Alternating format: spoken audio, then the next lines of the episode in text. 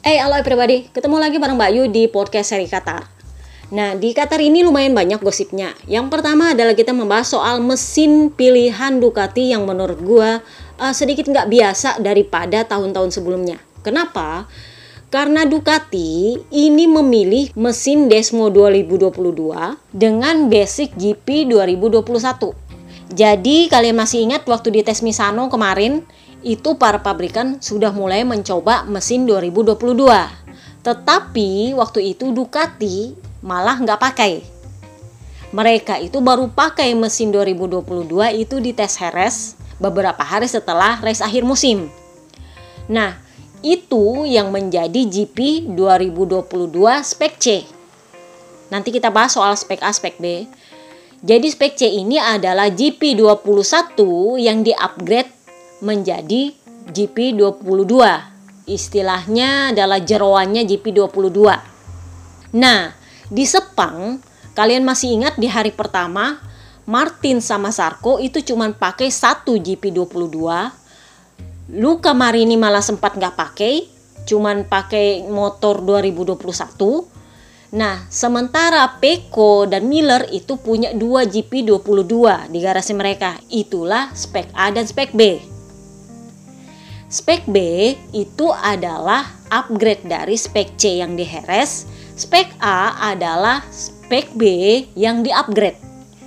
Jadi, spek B adalah satu kali upgrade dari spek C. Spek A adalah dua kali upgrade dari spek C. Karena dia adalah spek B yang di-upgrade. Nah, itu yang dipakai oleh Peko dan Miller di Sepang. Jadi mereka sempat pakai dua motor di garasi. Begitu di Mandalika itu motor sudah didistribusikan ke para rider satelit. Jadi Peko sama Miller pakai GP22 spek A, si Zarko sama Jorge Martin pakai spek B, Luca Marini juga pakai spek B. Sementara Enea Bastianini, Fabio Di Gian Antonio dan Marcobes itu pakai GP21. Nah, hasil tesnya kan kalian dapat bahwa GP22 milik Peko Bagnyaya dan Jack Miller itu nggak terlalu meyakinkan. Waktu itu gue pikir karena si Peko nggak suka sama treknya. Karena kan waktu di Mandalika dia ngeluh banget soal kerikil. Jadi menurut gue mungkin karena busnya nggak bagus jadi dia merasa nggak nggak enak aja pakai ini motor. Yang gue nggak sangka adalah bahwa dia memutuskan nggak pakai itu mesin untuk tahun ini. Gue nggak sangka itu dia justru lebih memilih memakai spek C yang sudah di-upgrade. Jadi istilahnya adalah basic yang digunakan adalah spek C yaitu GP 2021 yang upgrade-nya itu sedikit diambil dari spek A. Which is spek A itu adalah upgrade dari spek B. Ngerti?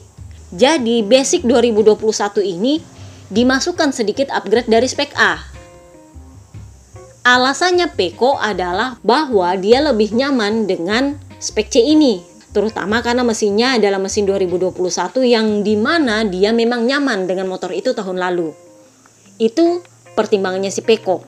Si Jack S karena aturan rider tim pabrikan harus sama spek mesinnya, ya mau nggak mau harus pasrah. Kenapa? Karena Ducati memutuskan untuk mengikuti apa yang diminta oleh Peko. Jadi si Jack S bilang, saya nggak tahu ini asal putusannya dari mana, tetapi pabrikan sudah memutuskan seperti itu ya saya nurut aja. Pokoknya pabrikan sudah kasih saya mesin yang itu, ya itu aja saya pakai. Nah menurut gua pilihan Peko ini yang agak risky sih kalau menurut gua. Kecuali kalau memang yang dia pakai adalah spek C. Karena spek C yang di Harris itu lumayan untuk dia. Tetapi kalau dia bilang itu masih ada upgrade lagi dari yang spek A, ada sedikit masukan dari spek A, itu berarti mesin ini belum pernah dia uji sebelumnya. Kenapa? Karena udah dicampur lagi. Ibarat ramuan lah ya. Jadi kalau memang yang dia pakai adalah spek C yang di Heres, itu gue sih nggak ragu. Mungkin ini soal adaptasi aja kalau menurut gue. Tapi kalau yang dia pakai adalah spek C yang dicampur dari spek A, nah itu lain cerita karena itu motor yang nggak pernah dia uji sebelumnya dan itu menurut gue risky. Lu memutuskan memakai motor yang belum pernah lu uji. Bener? Dan inilah yang menurut gue kalau memang bener-bener ini hybrid, jadi si Ducati memutuskan memberi nama motor ini sebagai GP22 hybrid. Nah, kalau yang dipakai ini benar-benar mesin hybrid, Ya menurut gue sih wajar waktu Gigi Dalinya memutuskan untuk membuat Peko ya jadi test rider diuji segala sesuatunya ini itu ini itu ini itu. Kenapa? Karena menurut gue ini motor belum pernah diuji sebelumnya. Jadinya dia harus kembali ke nol dan lu uji lagi ini motor bener nggak? Masalahnya ini sudah disegel. Lu nggak punya pilihan lain untuk milih mundur lagi nggak bisa jadi memang ini mesin hybrid yang baru yang dicampur aduk dari mesin spek C yang digabung dari spek A yang belum pernah lu uji sebelumnya. Jadi mau nggak mau lu harus menguji motor yang baru di akhir pekan Qatar. Jadi ya wajar kalau akhirnya Peko Banyaya merasa menjadi test rider. Kenapa? Karena ini adalah mesin yang baru yang dicampur aduk. Beda cerita kalau itu adalah mesin spek C yang benar-benar mesin spek C, dia bisa sisa pakai dari yang tes heres atau dari setupnya dia tahun lalu, bener nggak? Karena kan itu jeroannya GP21 tuh, mestinya sih setupnya kurang lebihnya sama. Kan itu dasarnya si Peko kemarin memutuskan, tetapi karena ada masukan dari spek A punya, yang adalah upgrade dari spek B, jadi ya totali masih baru ini motor jadi ya wajar si Peko itu udah kayak test rider di akhir pekan balapan Nah si Ciabati itu sampai bilang gini ke media saking hebohnya media. Eh, gue juga ikut heboh sih. Ngapain diributin? Itu sama aja kayak gini. Kami punya mesin 2022. Tapi beda-beda speknya A, B, C. Nah, yang diputuskan oleh Peko adalah mesin dengan spek lain yang bukan A, B, C. Bener nggak? Jadi mestinya ada spek C yang digabung sama spek A. Jadi memang speknya beda. Totally beda dari spek yang ada. Bener? Nah lalu si Jabati bilang, ngapain kalian heboh? Coba tanya si Honda itu, Mark Marcus pilih mesin apa coba? Gosipnya Mark Marcus memilih mesin Misano. Kenapa? Karena itu adalah mesin yang dia gunakan saat dia belum cedera. Jadi kan waktu di Misano kan dia sempat menguji mesin 2022 tuh. Bener? Terus dia bilang oh saya suka kok gini gini gini gini gini. Pokoknya dia nggak komplain dan setelah itu dia udah nggak ikut tes heres. Kenapa? Karena waktu itu dia sudah diplopia dan dia nggak mau mengambil resiko karena waktu di Sepang dia setengah mati. Jadi di Mandalika motor yang dipakai itu adalah motor 2022 versi Misano dengan frame yang baru jadi mereka dapat tiga frame kalau nggak salah di Mandalika kemarin itu dipilih. Jadi si Paul sama Mark Marcus itu beda frame. Catat ya, beda frame mereka tapi mesinnya sama. Jadi si Paul setuju dengan mesin yang itu nggak masalah karena framenya beda dan dia merasa nyaman dengan itu. Sementara Mark Marcus juga oke beda frame nggak masalah. Yang penting speknya sama. Kenapa? Karena aturannya rider tim pabrikan itu harus sama spek. Tetapi paketnya boleh beda, framenya boleh beda, partnya boleh beda, ya terserah lah dan terbukti bahwa pilihannya Paul sudah benar. Jadi dia bilang e, ini adalah motor yang saya inginkan selama ini dan karena motor ini saya akhirnya sudah bisa bermimpi untuk meraih Jordan bersama Honda. Jadi Ducati emang benar bilang nggak usah dipusingin lah kami pilih mesin yang mana. Coba kalian tanya tuh Honda, si Marcus pilih mesin mana coba? Karena mereka tahu bukan mesin terbaru yang dipilih oleh Marcus. bukan mesin yang di Sepang. Karena itu kan mesin update paling baru itu update dari Heres kalau nggak salah. Tapi begitu di Mandalika mereka pakai yang Misano semuanya sama-sama nyaman. Nah lalu apakah benar pilihan motor ini untuk Peko Bagnaia dan Jack Miller? Kalau menurut gue ya udah gue bilang tadi kalau dia hybrid itu memang risky. Kenapa? Karena motor ini belum pernah diuji di tes pramusim. Jadinya campur aduk campur aduk. Di race akhirnya kelihatan si Jack Miller itu ya dia nggak komplain ke pabrikan sih dia cuma bilang ini motor kayak musibah. Jadi motornya dia itu ada masalah elektronik. Kadang powernya 100% kadang ngadat. Jadi dia bilang ada kalanya saya merasakan motor ini 100% powernya tetapi begitu dia trek lurus powernya hilang. Saya juga jadinya susah ngerem nggak tahu ini kadang keluar kadang nggak ngadat-ngadat. Dia bilang ini motor seolah-olah dia nggak tahu dia lagi di mana jadi dia bilang daripada dia ngadat-ngadat di jalan dan saya nanti kena tabrak sama rider lain, membahayakan rider lain, ya udah saya balik lagi ke pit. Pokoknya mudah-mudahan itu bisa diselesaikan dan di Mandalika nanti saya sudah bisa fokus. Sementara Peko Bagnya ya, dia menolak untuk mengatakan bahwa motor ini salah pilih. Karena kan memang ini motor dia yang pilih. Jadi dia bilang, motor saya itu memang agak ketinggalan di awal saat start tetapi selanjutnya akhirnya saya bisa recover. Faktanya adalah saya lebih cepat dari Jorge Martin. Jadi Martin ini kan pakai GP22 nih spek B. dia merasa dia lebih cepat dari Martin, makanya dia mau nyalip si Martin kemarin. Masalahnya adalah dia katanya salah ngerem. Salah ngerem, kehilangan ban depan, akhirnya dia jatuh. Nyeretlah si Martin kena sapu jagat. Ya si Martin sih sakit, gua rasa itu sakit banget loh. Sakit itu pahanya. Tapi kalau memang benar katanya Peko ya bahwa dia lebih cepat dari Martin, ini terbukti berarti motor pilihan dia yang basicnya adalah GP21 itu memang lebih cepat daripada GP22. Masuk di akal? Karena memang Enea Bastian ini cepat banget. Itu si Binder sampai bilang saya loh nggak bisa ngejar dia. Karena memang GP21 itu adalah motor yang menurut Peko adalah terbaik, jauh lebih baik daripada GP22. Cuman kan dia nggak mungkin pakai motor tahun lalu kan. Akhirnya ya dicampur-campur aduk segala macem. Tapi karena basicnya adalah GP21, makanya dia bilang, saya akhirnya bisa recover dan akhirnya saya bisa lebih cepat daripada Jorge Martin. Cuman masalahnya adalah saat saya mau menyalip dia, saya melakukan kesalahan pengereman dan akhirnya saya terjatuh kehilangan ban depan dan sayangnya ikut menyeret Jorge Martin. Jadi menurut gue oke, okay, mari kita coba anggap bahwa itu benar bahwa GP22 spek C yang adalah jeroannya berasal dari GP21 yang dicampur dengan uh, spek A yang akhirnya memakai nama hybrid ini memang powernya lebih bagus daripada GP22. Oke, mari kita anggap seperti itu. Kita lihat nanti di Mandalika seperti apa. Tetapi yang jelas adalah kondisi di Ducati pasca si Peko ngamuk-ngamuk hari Senin kemarin itu nggak terlalu bagus Gosipnya adalah gigi dalinya tersinggung sama Peko Bagnyaya. Why? Karena si Peko itu jelas-jelas bilang, saya mengatakan kepada Gigi, mari kita kembali seperti cara kerja tahun lalu. Jadi kalian masih ingat waktu Neng Vina masih bergabung di Yamaha waktu tahun lalu, terus dia bilang, di Ducati itu enak, kalau ngetes part itu dibagi sama tim satelit, jadi rider tim pabrikan nggak terlalu pusing sama part-partnya, nggak terlalu banyak yang diuji dan kalaupun banyak yang diuji bisa lumayan fokus. Kenapa? Karena mereka bagi beban sama tim satelit. Kan seperti itu juga Honda waktu masih ada Carl Crutchlow. Nah sekarang mungkin karena motor yang dipilih oleh Peko Banyaya adalah motor yang totally baru, mau nggak mau di akhir pekan Qatar, Gigi Dalinya membebankan tes itu ke Peko Banyaya. Kenapa? Karena itu adalah motor pilihan dia kalau mau disuruh sama tim satelit untuk coba ya nggak bisa. Kenapa? Karena mereka beda spek motor.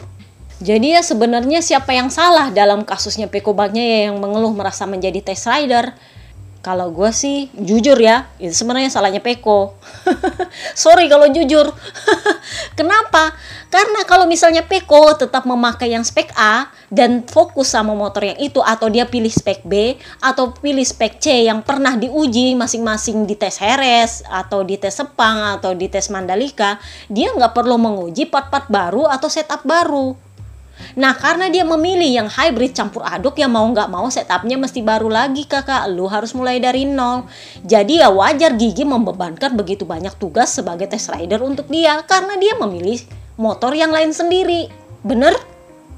Jadi menurut gue ya sebenarnya bukan salah Ducati sih. Tetapi si Tardosi kemarin mengakui bahwa Ducati melakukan kesalahan. Dia bilang bukan Peko yang salah, kami yang salah. Karena biasanya kami tidak bekerja seperti ini. Jadi kami tidak akan mengulanginya lagi.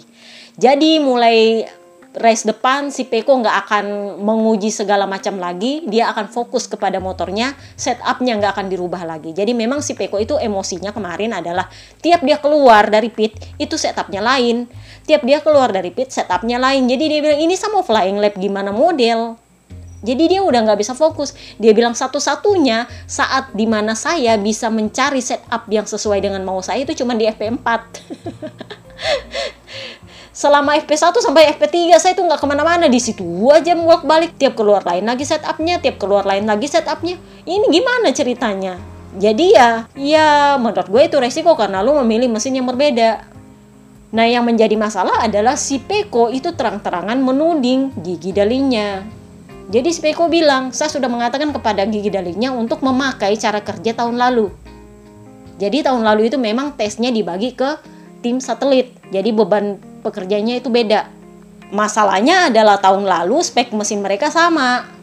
Lu nggak bisa copy paste setup juga karena kan beda mesin. Bener nggak? Jadi ya benar menurut gue gigi dalinya udah nggak bisa bebankan itu ke tim satelit. Kenapa? Karena spek motornya berbeda, setupnya nggak bisa dipakai. Jadi yang nggak bisa diuji, beda standarnya, beda parameternya, bener nggak? Nah tetapi karena Peko sudah menuding Gigi, gosip berhembus sepo-sepo si Gigi tersinggung. Jadi ya menurut gue benar apa kata Oscar Haro bilang berkonfrontasi dengan Gigi dalinya itu adalah hal terakhir yang akan saya lakukan sebagai rider Ducati Kenapa? Karena lu sekali ribut dengan gigi dalinya itu biasanya lu udah nggak dapat apa sih support yang bagus. Sebenarnya sih menurut gua, mestinya Peko itu ngomong itu langsungnya ke Gigi, bukan ke media. Masalahnya adalah dia ngomongnya ke media dan itu Gigi nggak suka. Andrea Dovizioso, Kaisar Unda United itu, itu juga sebenarnya nggak pernah bahas ributnya sama Gigi Dalinya loh. Tapi kelihatan konfrontasinya sama Gigi tapi dia nggak pernah bahas. Udah mau didepak dari Ducati baru dia ngomong bahwa dia sempat teriak-teriakan sama Gigi. Tetapi itu nggak pernah dibahas di media dia nggak pernah bahas. Nah masalahnya Peko ini ngomong di media. Saya sudah bilang sama Gigi untuk ganti cara kerja. Uh, oke okay, lu kayaknya lagi ganggu-ganggu beruang tidur ya. Maksud gue kalau lu kurang ya lu ngomong tapi jangan ngomong di media. Menurut gue itu kesalahan yang dilakukan oleh Peko Banya ya sorry to say So lanjut kita akan membahas soal Paul Espargaro.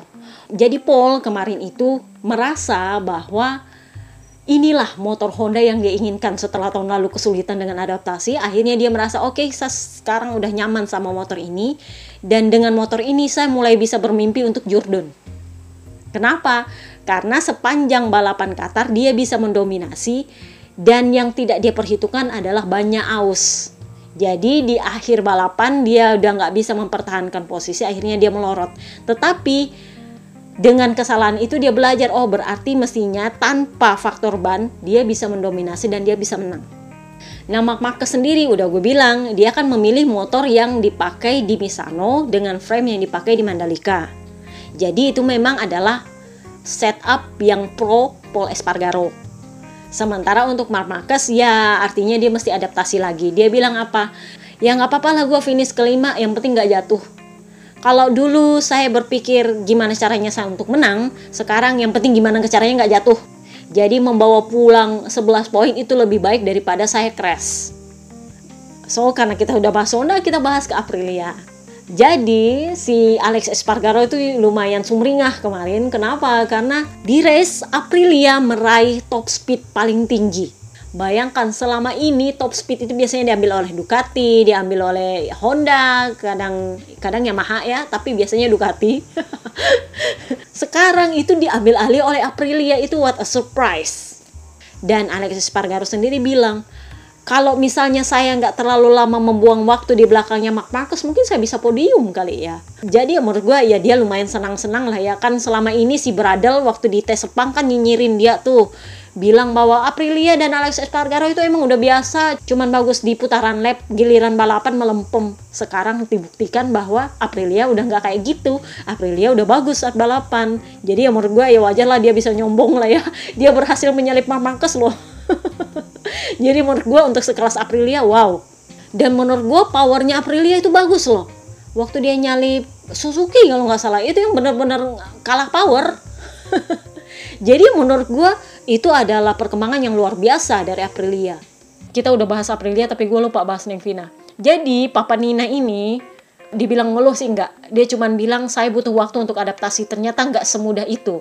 Kenapa? Karena tahun lalu kan dia menang di Qatar. Jadi ekspektasinya dia sejelek-jeleknya Aprilia, dia bisa bertarung di bagian tengah atau bagian depan. Mungkin nggak menang, tapi setidaknya di bagian itulah, di depan-depan lah. Tetapi faktanya ternyata tidak seindah ekspektasi. Jadi dia bilang mungkin saya perlu waktu lebih lama untuk beradaptasi dengan motor ini gitu aja sih dia bilang. Jadi di klasemen klan nah sekarang kita udah punya klasemen klan. Klasemen klan ini adalah klasemen rider yang sama farmnya. Jadi klan Espargaro menduduki klasemen tertinggi saat ini diikuti oleh klan Binder dan klan Marcus ada di paling bawah. Jadi cuma ada tiga klan karena klan Rossi udah nggak bisa. Nah karena ini juga si Alex Espargaro tuh mulai nyinyir jadi dia nyindir tuh. Kemarin tuh ada tuh jurnal KTPS yang bilang bahwa Mark Marcus ini luar biasa. Mark Marcus ini bagus terutama waktu dia slip streaming Simir, masih ingat? Di Q2 kalau nggak salah, dia slip streaming Simir. jadi dipuji-puji sama jurnal KTPS terus dia bilang iya kemarin tuh saya sempat lihat tuh ada jurnal KTPS yang bilang Marcus ini mendominasi bagus sekali bla bla bla bla hebat eh waktu balapan nggak kayak gitu tuh faktanya adalah KTM bisa unggul Enia Bastianini bisa menang, saya loh bisa nyalep si Marcus. Jadi yang nggak terlalu didominasi oleh Marcus sih untuk musim ini. Musim ini akan brutal, akan ada yang lebih baik dari Marcus menurut dia. Jadi ya menurut gue ini antar klan udah mulai ribut nih. yang satu adalah klan Espargaro, yang satu adalah klan Marcus. Yang nggak ribut cuma klan Binder. si Brad Binder yang menurut gue surprise juga sih. KTM kan selama tes pramusim nggak kelihatan nggak jelas mau ke mana arahnya dan gimana. Bahkan selama sesi latihan juga nggak tahu ini akan ke mana dan di mana. Eh tiba-tiba tiba-tiba aja podium gitu loh. Masih ingat gak waktu tes pramusim gue selalu bilang ini KTM nggak jelas ini arahnya ke mana. Tapi pada akhirnya di Qatar mereka membuktikan bahwa mereka bisa podium dan mereka konsisten ada di barisan depan jadi menurut gue sisi baiknya dari tes Qatar kemarin itu adalah membuktikan apakah tes pramusim itu sama dengan pada saat race. Nah si Brad Binder sendiri sebenarnya bisa dibilang gak terlalu menyangka bahwa dia ternyata bisa bagus dan dia mengakui bahwa GP 21-nya Eni Bastian ini itu emang luar biasa, udah pakem, udah pengembangannya udah komplit, udah nggak bisa dikejar kalau menurut dia. Jadi dia bilang, jadi dia bilang sama Sukri apa yang terjadi dan mudah-mudahan ini bisa dibawa sampai race selanjutnya yang ribut-ribut cuman Binder muda. Dari Binder itu ribut sama Remy Gardner. Jadi dia kan saingan di belakang tuh jadi ya lumayan ribut lah antar para rookie. Jadi kan kalian tahu ceritanya dari Binder kan lompat tuh dari Moto3 ke MotoGP jadi dia nggak pernah ngerasain yang namanya Moto2 sementara Remy Gardner kan memang jodohnya Moto2 dia tahu aturannya gimana Moto2 sementara dari Binder itu kan pakai caranya anak Moto3 kan kalian udah tahu caranya Moto3 gimana model. Nggak ada aturan mah pokoknya gitu aja bertak berduk gitu. Nah kayak gitu cara balapnya sih dari Binder jadi si Remy Garden tuh bilang saya kapan-kapan kalau ketemu dia saya pengen ngobrol sama dia. Saya mau bilang bahwa MotoGP itu bukan kayak Moto3. Kalau Moto3 kita bertarung bagaimana caranya supaya menang. Kalau di MotoGP karena kita masih rookie kita bertarung gimana caranya supaya kita nggak jadi yang terbelakang. Kita nggak bisa pakai cara membalap Moto3 yang macam monyet ke sana kemari dia pakai bahasa monyet loh. Tau lah ya orang Australia. Sarkasnya luar biasa. Jadi si Remy Gardner tuh bilang dia itu ya ke sana kemari ke sana kemari. Tapi begitu masuk tikungan dia melebar. Akhirnya kita udah nggak bisa nyalip karena dia udah lelet tetapi masih juga menghalang-halangi. Jadi nggak punya racing lain yang jelas menurut Remy Gardner. Dia menghabiskan waktu di belakangnya dari Binder itu lama banget gitu si Derin Binder dia bilang kalau masalah racing line itu mah biasa. Itu namanya balapan ya kayak gitu. Jadi menurut dia M1 yang dia pakai itu sama mudahnya dengan Moto3 motor Moto3 dia. Jadi enak buat geol-geol gitu loh. Karena enak buat geol-geol akhirnya dia geol-geol juga racing lainnya. Dia nggak tahu Remy Gardner orangnya ngeluhan kan. Si Remy Gardner ngeluh maunya kalau racingnya lurus ya lurus aja gak usah geol-geol segala macem jadi si Darren Binder tuh bilang dia itu komplainnya komplain apaan? Nggak ada masalah ya namanya juga balapan. Kalau gue berusaha mempertahankan diri ya gue dong. Kan gue yang punya lain di depan. Ya masuk di akal sih nah yang kita bahas selanjutnya adalah si Dovizioso. Ini Dovizioso ngamuk-ngamuk mencak-mencak nggak jelas. Kenapa? Karena dia udah pakai motor pabrikan. Gua nggak tahu apakah itu pabrikan spek A atau pa memang pabrikan-pabrikan. Karena kan kalau yang dipakai sama Morbidelli dan Quartararo itu motor pabrikan yang memang motor pabrikan. Nah gua nggak tahu kalau si Dovi ini pakai spek A atau memang motor pabrikan yang benar-benar pabrikan. Karena si Darren Binder kan pakai yang spek B. Nah dia sendiri bilang saya nggak tahu gimana caranya mengendarai ini motor nggak ada yang salah cuman ya kayak gitu. Dia bilang saya mau ngomong juga nggak tahu mau ngomong apa. Sementara untuk rider pabrikan lebih kepada soal kurangnya top speed dan juga masalah grip. Jadi si Quartararo itu malah mengeluhkan ban depan. Dia merasa tekanannya agak berbeda jadi nggak enak buat dibawa membalap. Dan menurutnya Morbidelli powernya emang kurang.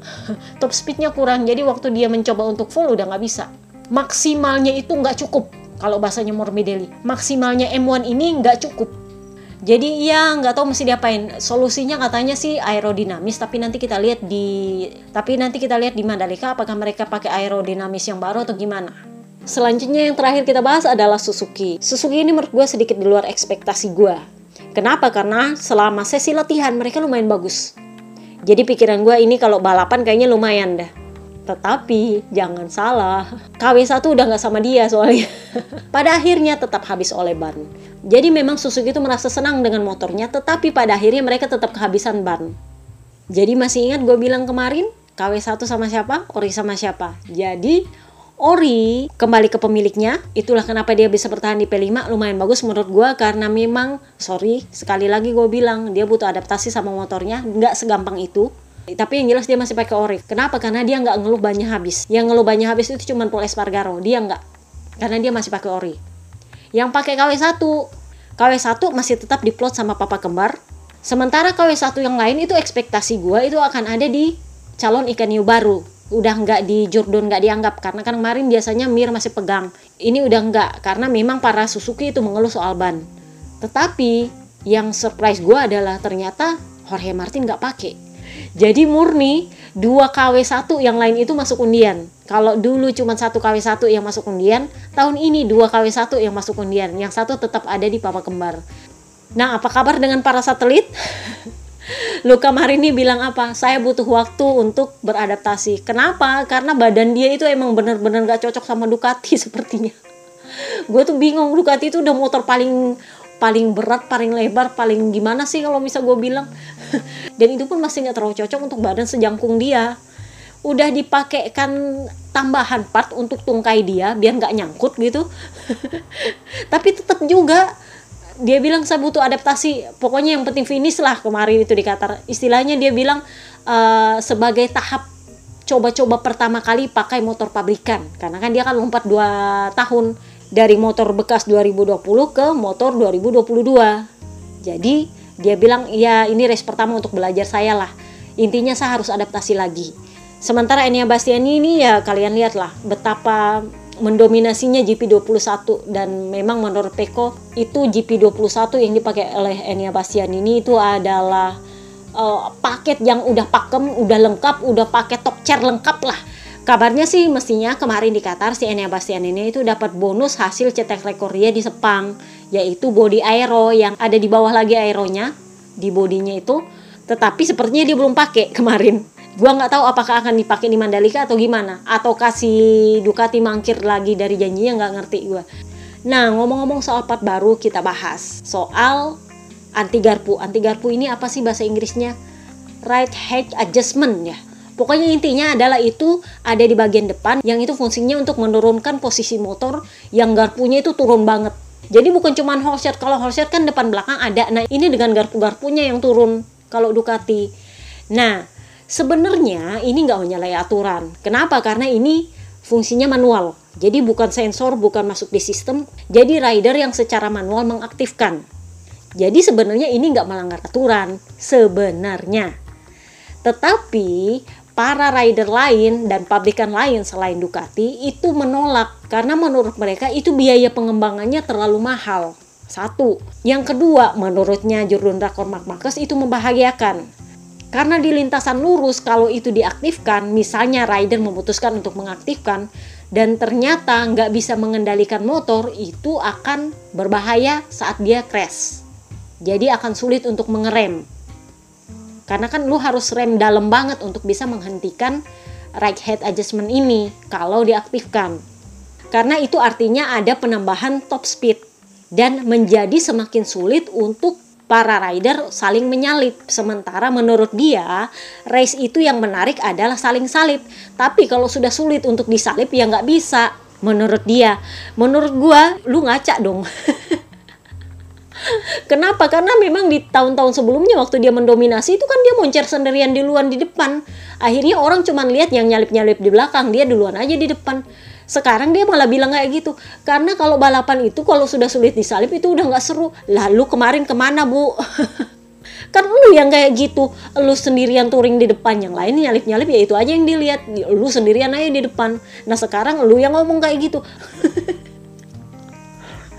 jadi yang menentang itu adalah para rider di luar Ducati karena menurut mereka menjadi lebih kompleks untuk start, terlalu banyak tombol yang harus diaktifkan, terlalu banyak sistem.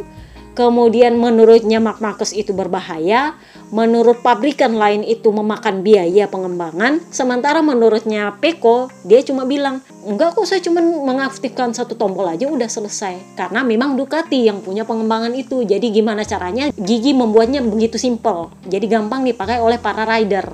Sementara untuk rider pabrikan lain itu kan pisah-pisah, hostnya belakang lain, hostnya depannya lain, belum lagi kalau nanti tambah anti garpu ini kan lain lagi ceritanya. Jadi istilahnya terlalu banyak apa sih terlalu banyak launching prosedur untuk mereka.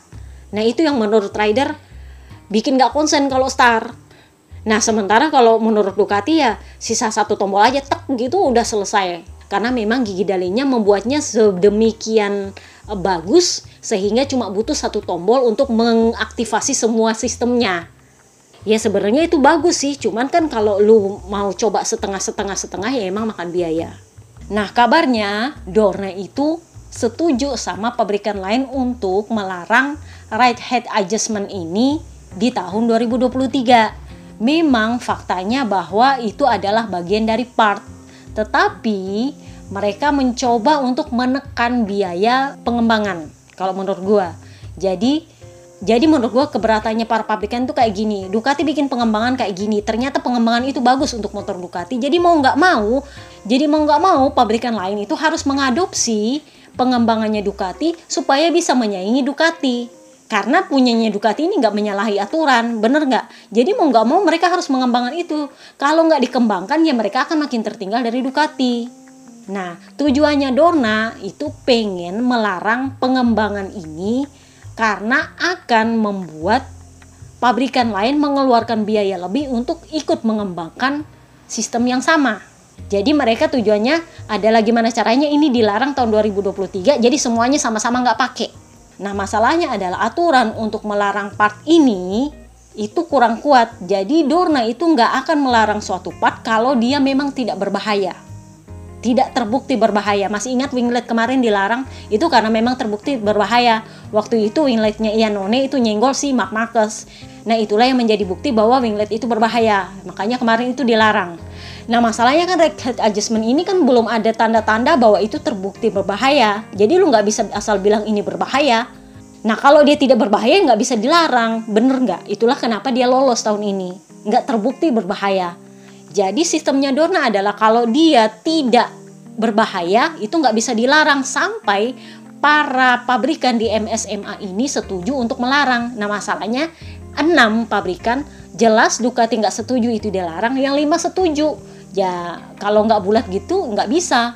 Itulah kenapa kabarnya Dorna mau bikin aturan baru bahwa kalau MSMA mau melarang suatu suatu ketentuan atau gimana gimana itu udah bukan pakai suara bulat tetapi pakai suara mayoritas. Jadi di voting. Jadi kan ceritanya kalau sekarang nih 5 banding satu si Ducati nggak mau dilarang 5 yang lain maunya dilarang kalau pakai sistem voting otomatis itu di ban. Itu akan dilarang karena sistemnya adalah voting. Nah selama ini sampai punyanya Ducati itu lolos terus lolos terus dan lolos terus itu karena mereka nggak suara bulat karena kalau nggak suara bulat ya Dorna nggak bisa jadiin itu larangan.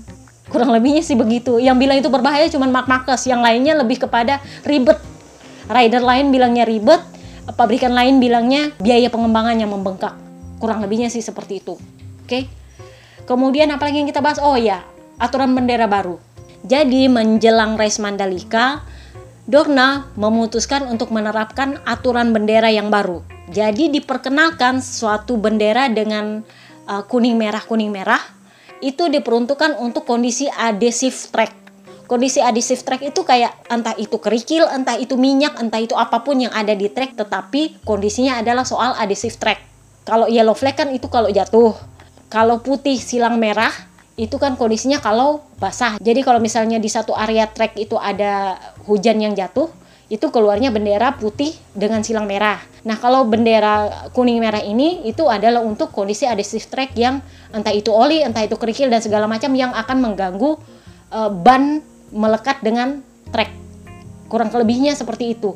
Ini seperti diterapkan karena kondisinya Mandalika mereka jaga-jaga memang sudah di resurface katanya udah selesai dua hari lalu tanggal 8 apa ya Cuman kan itu yang di resurface cuman dari tikungan 16 sampai tikungan 7 kalau nggak salah. Nah sisanya itu kan belum di resurface. Nah ada kekhawatiran di podcast kemarin gue udah bilang ada kekhawatiran bahwa itu juga akan kebongkar nanti aspalnya kalau para rider turun trek itu jadi itulah kenapa aturan bendera baru ini diterbitkan untuk jaga-jaga kalau di Mandalika nanti terbongkar lagi aspalnya kurang lebihnya seperti itu oke okay? Jadi itu aja yang kita bahas. Sorry kelamaan karena memang banyak ini bahas see you next time. Bye bye